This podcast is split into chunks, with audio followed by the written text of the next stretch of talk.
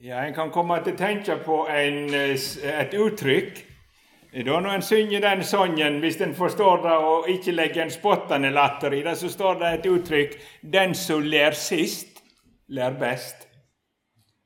Og det kan gjelde når du tenker i evighetens lys. Den som ler sist, eller fryder seg til slutt, han fryder seg best. Jeg skal prøve å ta fram et, et litt spesielt tema i, i, kveld. Og Da skal jeg lese fra Johannes' åpenbaring. Eh, eh, I høst så lå det på meg sånn at jeg hadde flere bedehus jeg var inne i fra Johannes' åpenbaring litt uti der. Og det er jo sånn som ikke så ofte stopper for. Nå har jeg rett nok vært innom det på Forsand for noen år siden. Men eh, det er så mange ting der så når vi skal gå inn i det som tema, sånn, så blir det ofte sånn at det fer så fort, og så får en ikke anledning til å bore. Og, og, så er det ting som en går forbi gjerne, og så trenger vi å høre det igjen. Sånn er det jo hele veien. Og det så Hvis jeg skulle sett et, et um, uttrykk som tema, så tror jeg jeg kunne snakket, kalt det dyrets merke. Og Da skjønner jeg litt grann hvilken vei det kan gå. Men jeg tror ikke det skal bli sånn som kanskje vi tenker med det samme vi hører det. For det er jo ofte at de som snakker om sånne ting, det er litt sensasjonsprega, og det er veldig sånn Og det må vi passe oss for. Og det må vi passe oss for, det skal komme tilbake til. Men så kan det hende en griper det hele på feil måte. Og Derfor hadde jeg lyst til å, å være litt inne i det. Og da er vi jo i endetida. Og jeg syns det var veldig fint du begynte med det som du gjorde, Guro. Takk skal du ha. Det er så det er en tråd i det, tror jeg. Vi vet jo da at det skal komme vanskelige tider, det har Jesus sagt ifra. Og det har det jo vært for Guds folk òg, mange steder, på forskjellig måte. Og det er ting som skal skje, og noe kommer om igjen og om igjen, litt sterkere når så enden kommer, nærmer seg. Og De gamle, når de skulle forklare dette, der, så brukte de gjerne bildet til ei klokke. Og nå, Hvis du ser bort fra sekundviseren, så er det den store viseren, og så er det vesleviseren. Og den store viseren, når, når klokka tolv, da kommer Jesus igjen. Sånn har de tenkt, eh, hvis du bruker det bildet. Og For at klokka skal bli tolv, så går storeviseren forbi mange ganger. Men for hver gang så nærmer det seg. Men Vetlevisa derimot, den går sakte, men sikkert, og den når tolv én gang. Da er hun tolv. Ikke sant? Og Sånn er det med de tegn som skal skje før Jesus kommer igjen. Det er noen som gjentar seg. Det skal være krig, rykte om krig. Det skal være jordskjelv og hungersnød både her og der. Det skal være frafall og falske profeter. Og alt dette har vi sett, og det kommer igjen. Og for hver gang nærmer det seg. Men så kan det bli litt andre tider imellom, og så kommer det igjen. Og det står jo, Nå blir vi jo minnet om det når vi sitter eh, og har denne koronaen at eh, sånne katastrofer, kan ikke kalle det for noe For Norge har det nok ikke kunnet fortjent navnet katastrofe, men det har nå vært noe som har bestemt verdensorden i et par-tre år. Eh, sånn skulle skje. Kom i hug jeg har sagt dykk sier Jesus nå. Så er det noen ting som bare skal skje én gang. F.eks. evangeliet til jordens ende. Så kjem enden. En gang var det et lignende trekk med det som skjer med Israel. Jerusalem skal ligge nedtrødd av hedningefolkene inntil hedningenes tider et ende. Og så er det veldig spennende å følge, og da er det dette jordiske Jerusalem det står om. Og så vet vi at helt fram i enden så skal det skje noe, og det er to, to ting. Først er det det store frafallet. Og så er det den store trengselen. Nå har det sine forbilder tidligere òg, så det er på en måte noe som kommer igjen.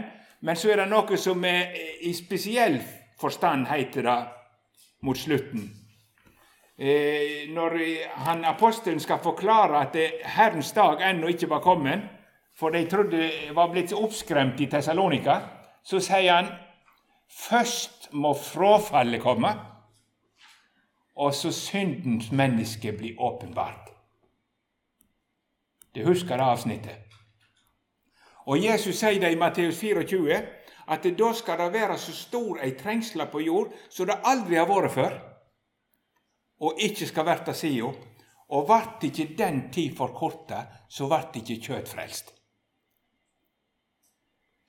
Og så sier Jesus videre, når du leser sammenhengene i Matteus 24, men straks etter de dagene skal sola formørknes og månen miste sitt lys, og da skal de sjå menneskesånds tegn på himmelskyene. Så jeg er klar over da at de troende ikke oppfatter alle ting nøyaktig lik. Jeg kan ikke gå mye inn i det, og det er helt greit. da. Bare de hører Jesus til i hjertet og venter på Han, så blir han ikke til skamme. Men eh, hvis en leser Matteus 24, sammen med åpenbaringen, ganske tilforlatelig, så kommer det akkurat på samme måten. Akkurat. Ja, nå må vi be sammen. Jeg har starta den. Jeg tror det. Jeg, han kom iallfall lys i den når jeg trykte, så jeg håper på han er på nå. da. Ja. Vi ber. Kjære Herre Jesus, kan du gi oss i nådestund når vi samler i ditt navn? Da ber jeg om at det ikke bare blir noe teori og høytflygende greier, men at det kan bli sjelesorg for våre hjerte, og at du kan få din vei med oss i livet og for evigheten. At du kan holde oss fast i ditt navn. Da ber vi om Jesus. Amen. Jeg skal lese det 13. kapitlet i Johannes' åpenbaring, og så skal jeg være veldig kort inne på eh, hovedtrekkene, og så skal jeg gå litt mer inn i noen spesielle ting. Skal vi prøve i, for Guds ansikt. Vi leser da det 13. kapittelet i Johannes' åpenbaring. Og jeg så et dyr stige opp ur havet. Det hadde ti horn og sju hoved. På horna sine hadde det ti kroner, og på hovuda sine hadde det spottenavn. Dyret som jeg så, lignet en leopard og hadde føtter som en bjørn. Munnen var som munnen på ei løve, og dragen gav det si kraft og si trone og stor makt. Jeg så at et av hovedet til dyret ble såra liksom til døden, men ulivssåret ble lekt. Og all jorda undra seg og fylgde etter dyret. De tilba draken av de han hadde gitt dyremakt. Og de tilba dyret og sa, hvem er lik dyret, og hvem kan stri mot det? Og det ble gitt en munn som taler store og spottende ord, og det vart gjeve det makt til å holde fram i 42 måneder. Det åpna munnen sin til spott mot Gud, til å spotte navnet og bostaden hans og de som bor i himmelen. Og det vart gjeve det å føre krig mot de heilage og seier over dei. Det vart gjeve det makt over hver ett og hvert folk og hvert tungemål og hvert folkeslag. Alle som bor på jorda, skal tilbe det hver den som ikke har fått navnet sitt skrevet i livsens bok hjå lammet som er slakta, fra verda vart grunnlagd. Om noen har øyra, han høyre. Om noen fører i fangenskap, han skal i fangenskap. Om noen drep med sverd, han skal verta drepen med sverd. Her er tålmodig og trua til heilage. Og jeg så et annet dyr stige opp på jorda. Det hadde to horn liksom et lam men tala som en drake. Det bruker all makt til det første dyret får øye på det, og det gjør at jorda og de som bor på henne, tilber det første dyret, det som fikk ulivssåret sitt lekt. Og det gjør store tegn, det får jamvel eld til å falle ned fra himmelen på jorda for øye på mennesker. Det forfører de som bor på jorda på grunn av de tegna som det vart gjeve det å gjøre for auga på dyret. Og det sier til de som bor på jorda, at de skal gjøre seg et bilde av dyret som fikk sverdhogget og vart levende att. Og de fikk makt til å gi livsande åt bildet av dyret, så bildet av dyret jamvel kunne tale. Og gjøre det slik at alle de som ikke ville tilbe bildet av dyret, skulle drepes. Det syter for at alle, små og store, rike og fattige, frie og treller, får et merke i høyre handa si eller på panna, og at ingen kan kjøpe eller selge uten den som har merket, navnet på dyret eller tale for dette navnet. Her ligger visdommen. Den som har vet, la han rekne ut tale for dyret, for det taler for et menneske. Og tale for det er 666. Og Jeg kunne lest litt til, for da står det Og jeg så lammet, og jeg så og sjå lammet sto på Sions berg, sammen med det de 144 000 som hadde navnet til lammet på, og navnet til far og lammet skrevet på panna.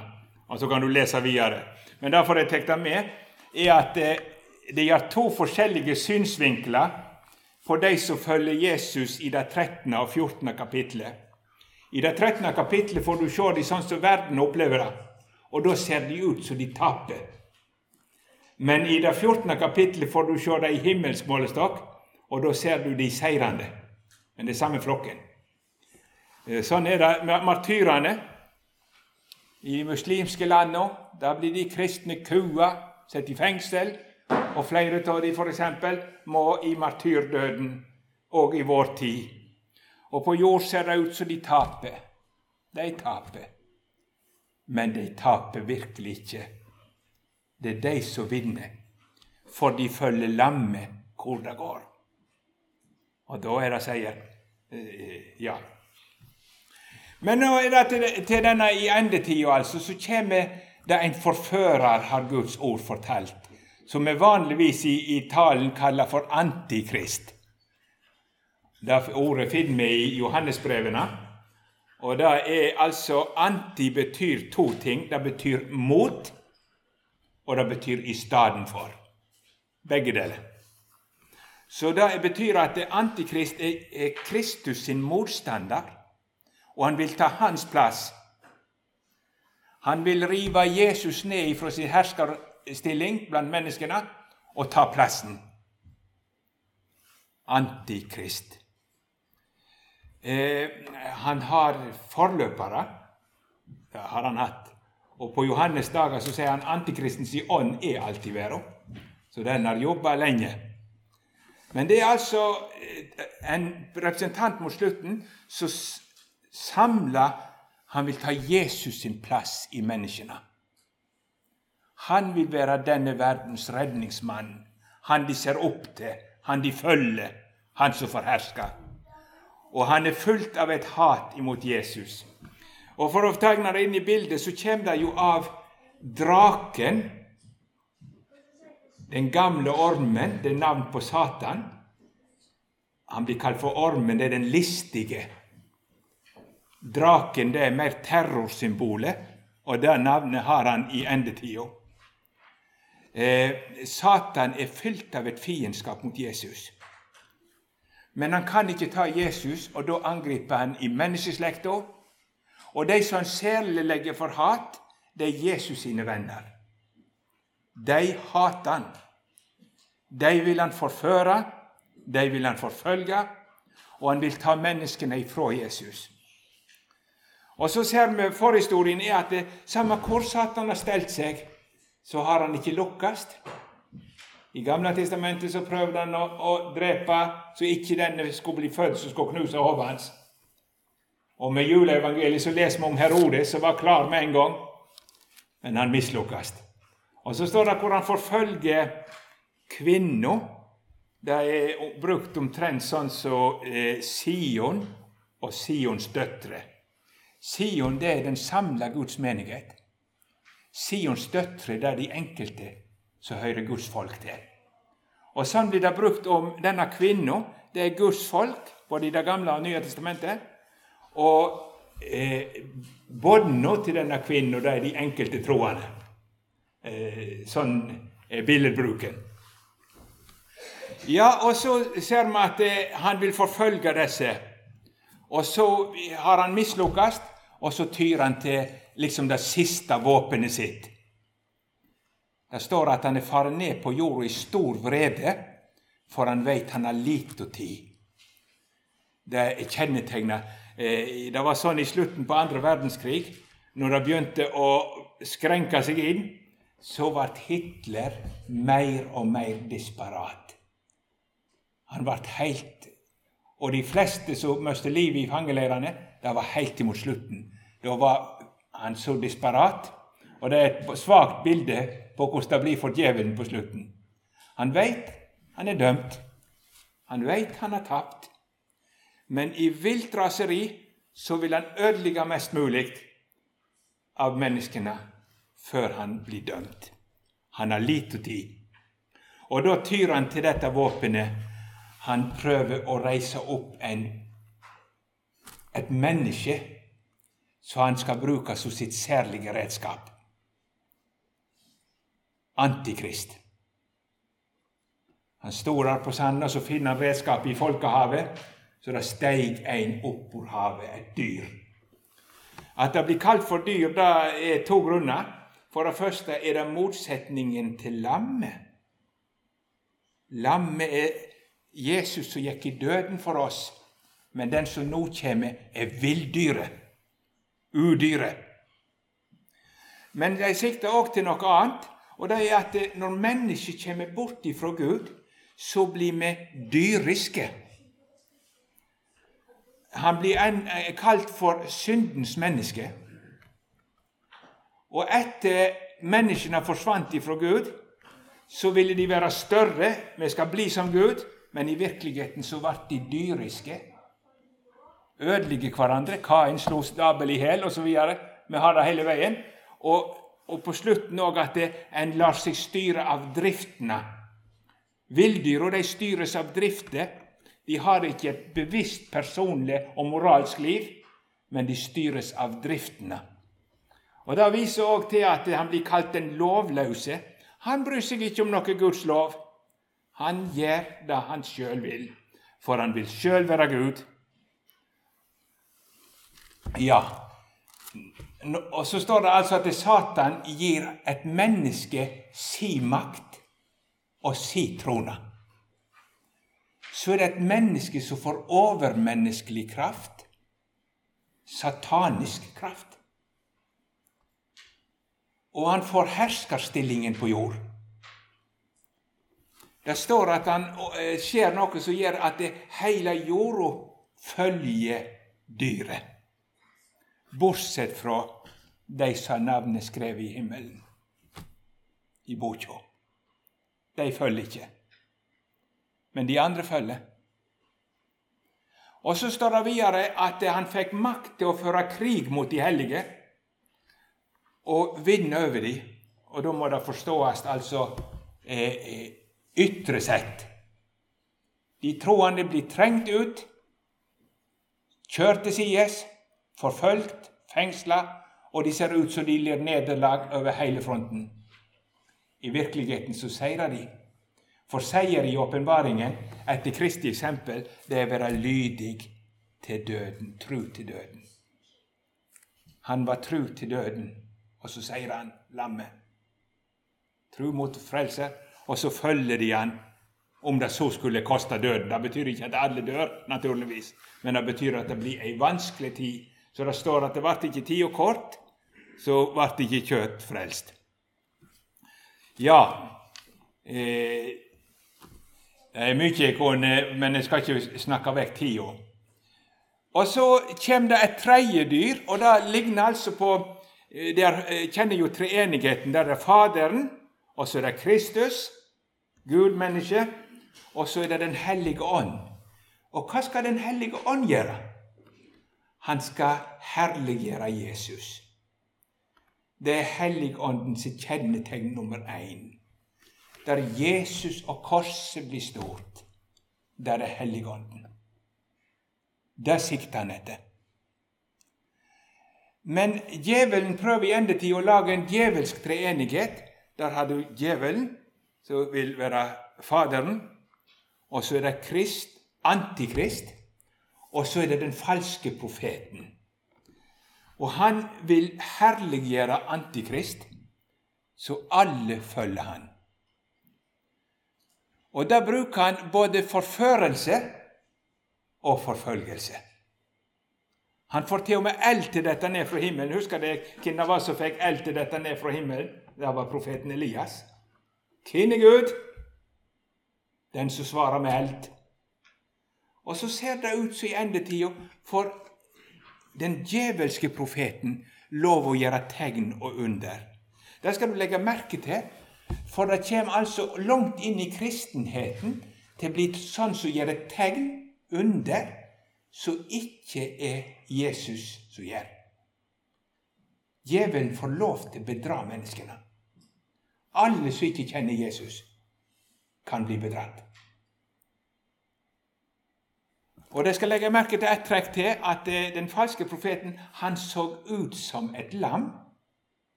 Hvem er lammet? Jesus, da. Han ser så fin og kristelig ut men han talte som en drage. Så på den falske profetien så skal en først og fremst høre etter hvordan de forkynner. Hva er det som blir forkynt? Du kan ikke alltid se det. Det kan være gode mennesker, ser det ut til. Men hør etter hva de forkynner.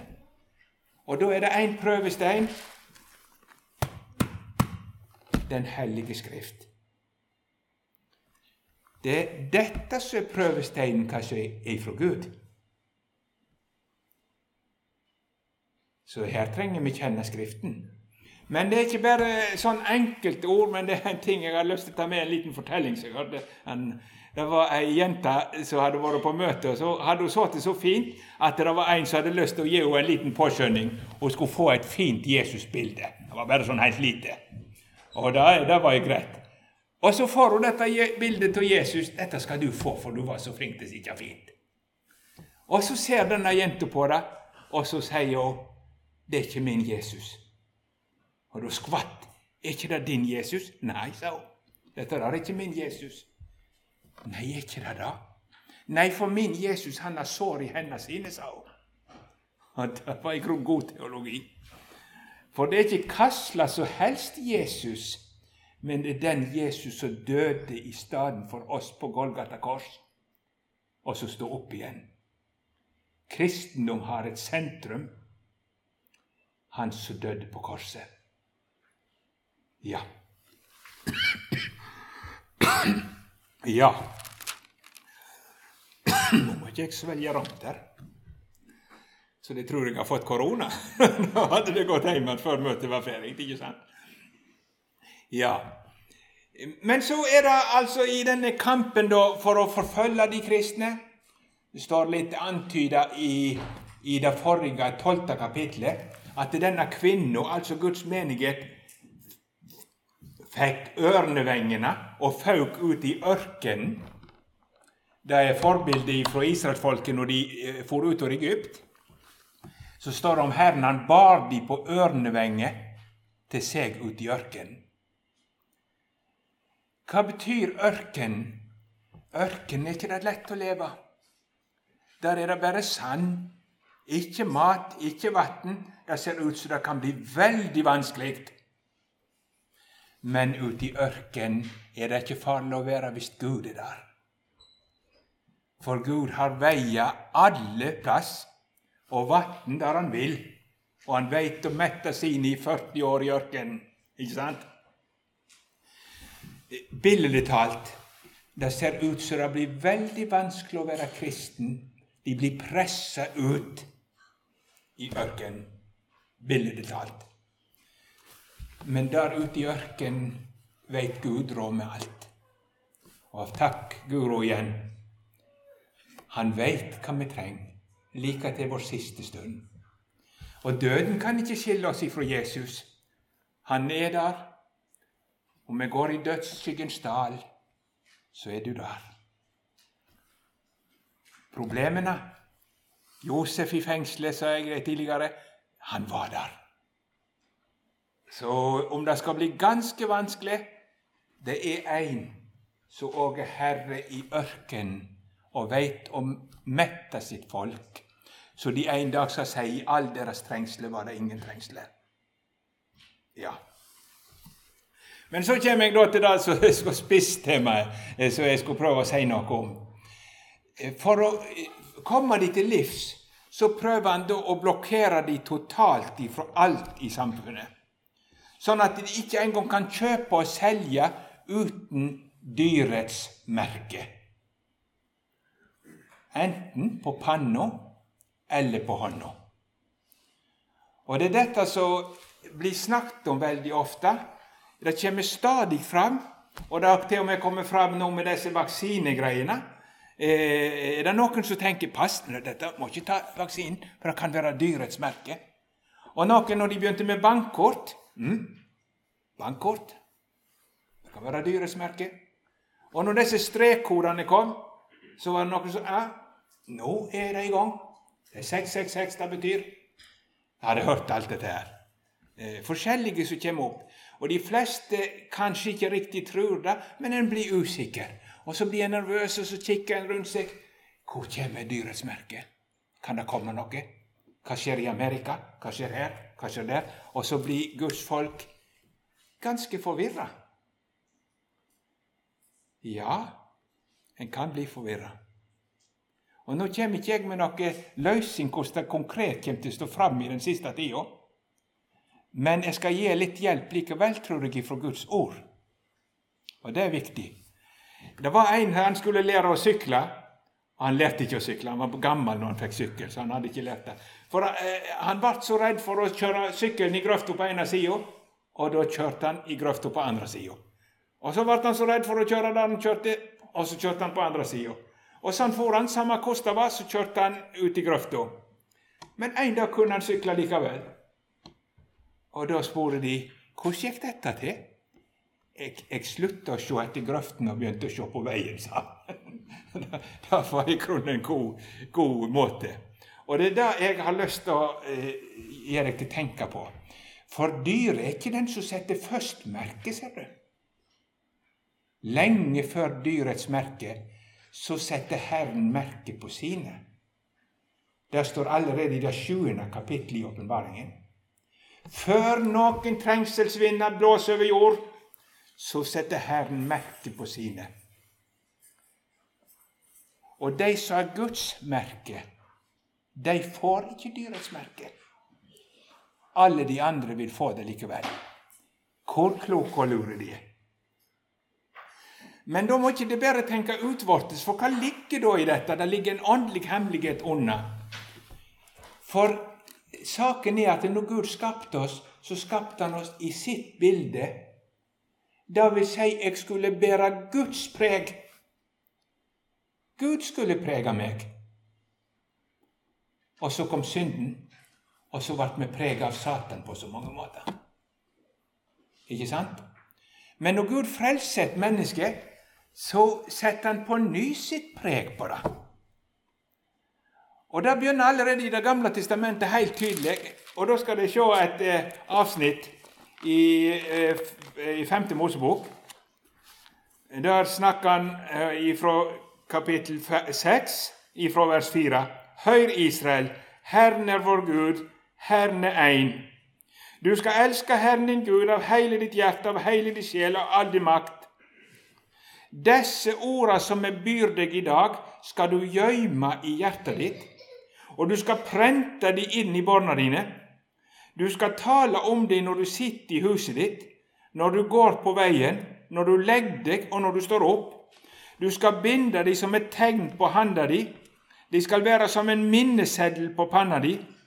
Du skal skrive dem på dørstolpene i huset ditt og på portene dine. Ja, ser du. Hva som skulle prege livet på Guds folk? Guds ord. Guds ord. Legg nøye merke til det. Guds ord skulle prege heimene. Det skulle være emne nummer én som en har lyst til å få inn i barna sine. Det skulle stå som minneseddel, altså når du går ut i hverdagen, så er det Guds ord som skal være påminningen. Så du går til din gjerning under Guds ord. Og når du kommer hjem igjen til familielivet, det er Guds ord som skal ha sitt merke på det. Det er det som skal være det kjæreste emnet Guds ord. Og det skal stå som en minneseddel på hånda di. Det betyr ikke at jeg kan skrive Johannes 3, 16 på hånda, og så har det gjort. Nei, hva betyr det at Guds ord skal være på hånda mi? Min gjerning skal det være Jesus som styrer. Ikke sant? Det er Guds vilje du skal bestemme hvordan de troende skal leve. Ikke noe annet. Kan det merkes på gjerningen din at du er styrt av Guds ord? Da ber du Hans ord på din hånd. Men ikke bare det ytre. Det går ikke an å ha utvortes kristendom. Panna di skal være Guds ord som bestemmer tankegang, prioriteringer. Ja, i ditt innerste vesen er det Guds ord som skal ha førsteplass og bestemme. Sånn at du bærer Jesu preg. Ikke sant? Kan det merkes på deg at du lever med Jesus? At tankene dine er tatt til fange i lydighet imot Jesus? Når de samtaler på der du treffer mennesker, kan det merkes at det er Jesus som eier tankene dine? Når det blir snakk om forskjellige handlinger, kan det merkes at det er Jesus som har fått plassen. Vi skal synge etterpå. nå ikke kommet så langt, jeg må ikke begynne å glede dere til jeg skal gå ned riktig ennå. Det klarer jeg ikke. Så fort klarer jeg ikke jeg fullføre. Men da skal vi synge 'Skriv deg, Jesus, på mitt hjerte', du min konge og min Gud. Kan det merkes at det er Jesus og Herre i dette liv? I mitt innvortes og utvortes menneske?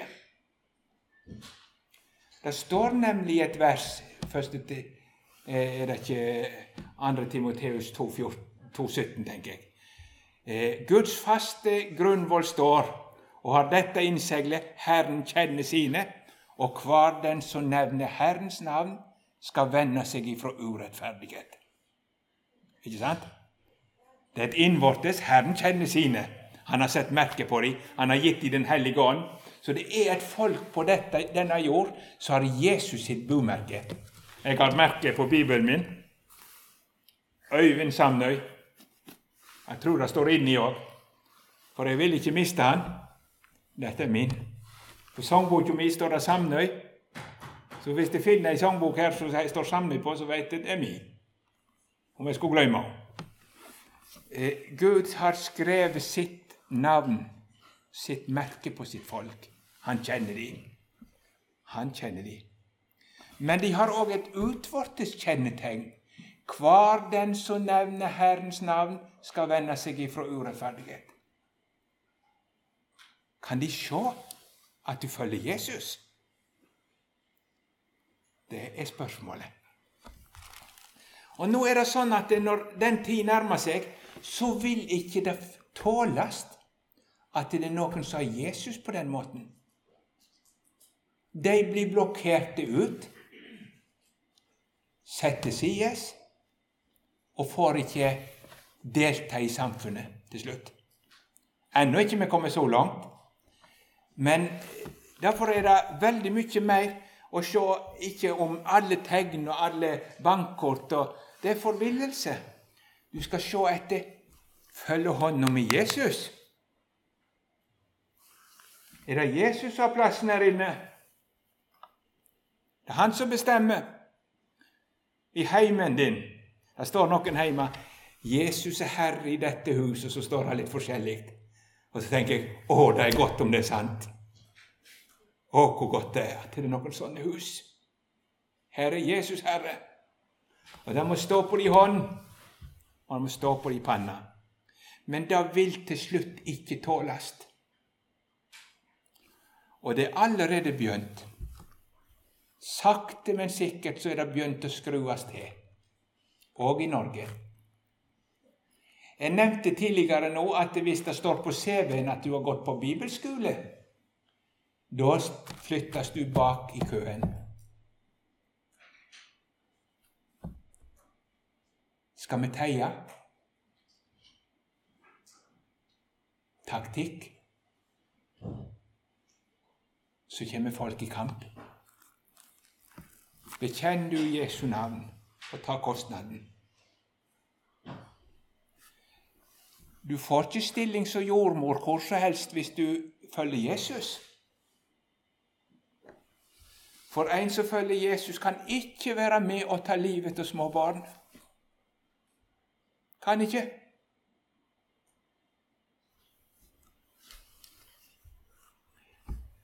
Det er ikke sikkert du får hva slags jobb du vil på fastlege kan bli vanskelig etter hvert.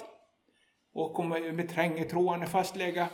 Men det kan bli vanskelig hvis de ikke kan være med og føre linja ut med når det gjelder aborten. Og så kommer det på helsevesenet. I skolevesenet kan det bli vanskelig. Nå er det voldsomt mange i, i, i, Stortinget som har lyst til å ta støtte fra Lærerakademiet. Fordi de bekjenner seg til at det er ekteskap mellom mann og kvinne som er grunnlaget her, og de ansatte skal være tru mot det. Og så er det kommet inn noen svikere som motarbeider innifra for å stenge igjen. Og så sier sånne skal ikke få støtte for de er ikke inkluderende for de som vil leve homofilt. Ta støtta ifra de. Ja, det koster. Kanskje vi skal lage det om så vi ikke er så skarpe, så det blir litt utydelig hva vi står for. Så får vi gjerne støtte. Pass på at en ikke begynner å ta dyrets merke. Ikke bare det, men i en kristen tanke så er det det å ta seg av barna, det er heimen.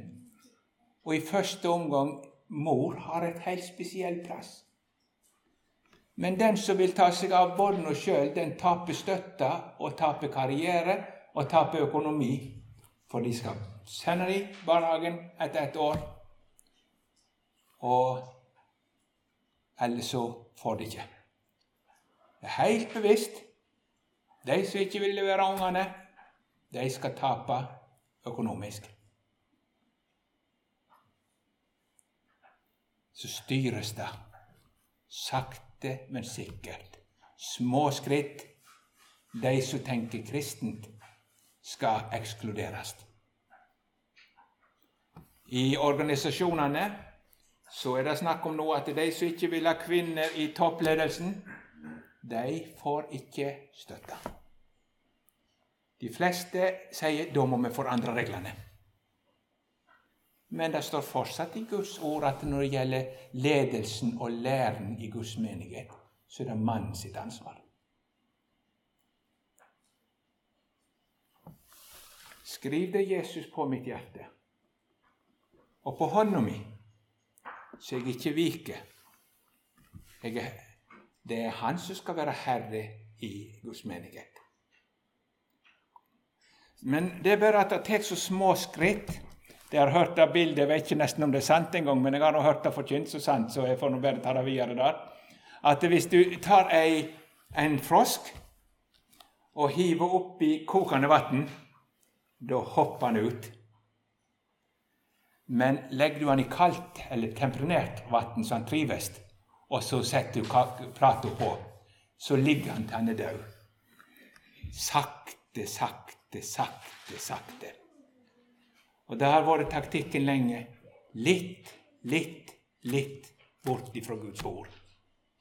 Nå har det vært en, en liten runde der de siste prestene som ikke kan gå god for kvinnelige prester, trenges ut av Den norske kirka. Noen får lov hvis de ligger tålelig lavt, men i grunnen har de ingen beskyttelse lenger. Eh, her skal alle bøye seg. mot Guds ord. Og så går det sakte.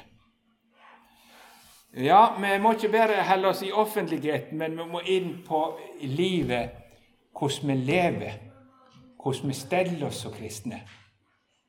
Står Guds ord på dine handlinger? Nå kan det være vanlig enkelte plasser å ta noe snurreri for at bedriften skal komme unna det som er pålagt når det gjelder skatt. Og så er det så fort at de troende blir dregne med i noe som ikke tåler lyset. Og så preges de. Og så preges de i måten de tenker rundt ekteskap. Jeg har, jeg har fulgt med litt i Dagen. Jeg vet ikke hvor, hvor mange det er som leser Dagen. Eh, vi må lese med filter hvor en leser. Men der blir det sagt at eh, vi bestemte oss for at vi skulle vente med sex til vi ble gifte. Det sto det nå en gang. Hørt slik snakk av kristne mennesker. Vi har ikke noe med å bestemme noe som helst. Det er Gud som bestemmer hvordan vi skal leve. Og hører jeg Herren til, så bøyer jeg meg og sier 'Din vilje'. Og du har sagt det hører ekteskapet til. Men det er en måte så en får tankegang liksom, så det er liksom Og så da etterpå er det å få hjelp til å få vekk skamma si. Og det er riktig, alt dette der. Men problemet er bare at det, det er bare syndenes forlatelse som kan ordne opp når en har levd i hår. Så det er gudsforholdet. Det kan gå galt for alle, og Jesus har båret det så det er nåde å få. Men det nytter ikke å snakke alvoret i saken vekk. Å leve sammen uten å være gift, det er brudd imot Gud.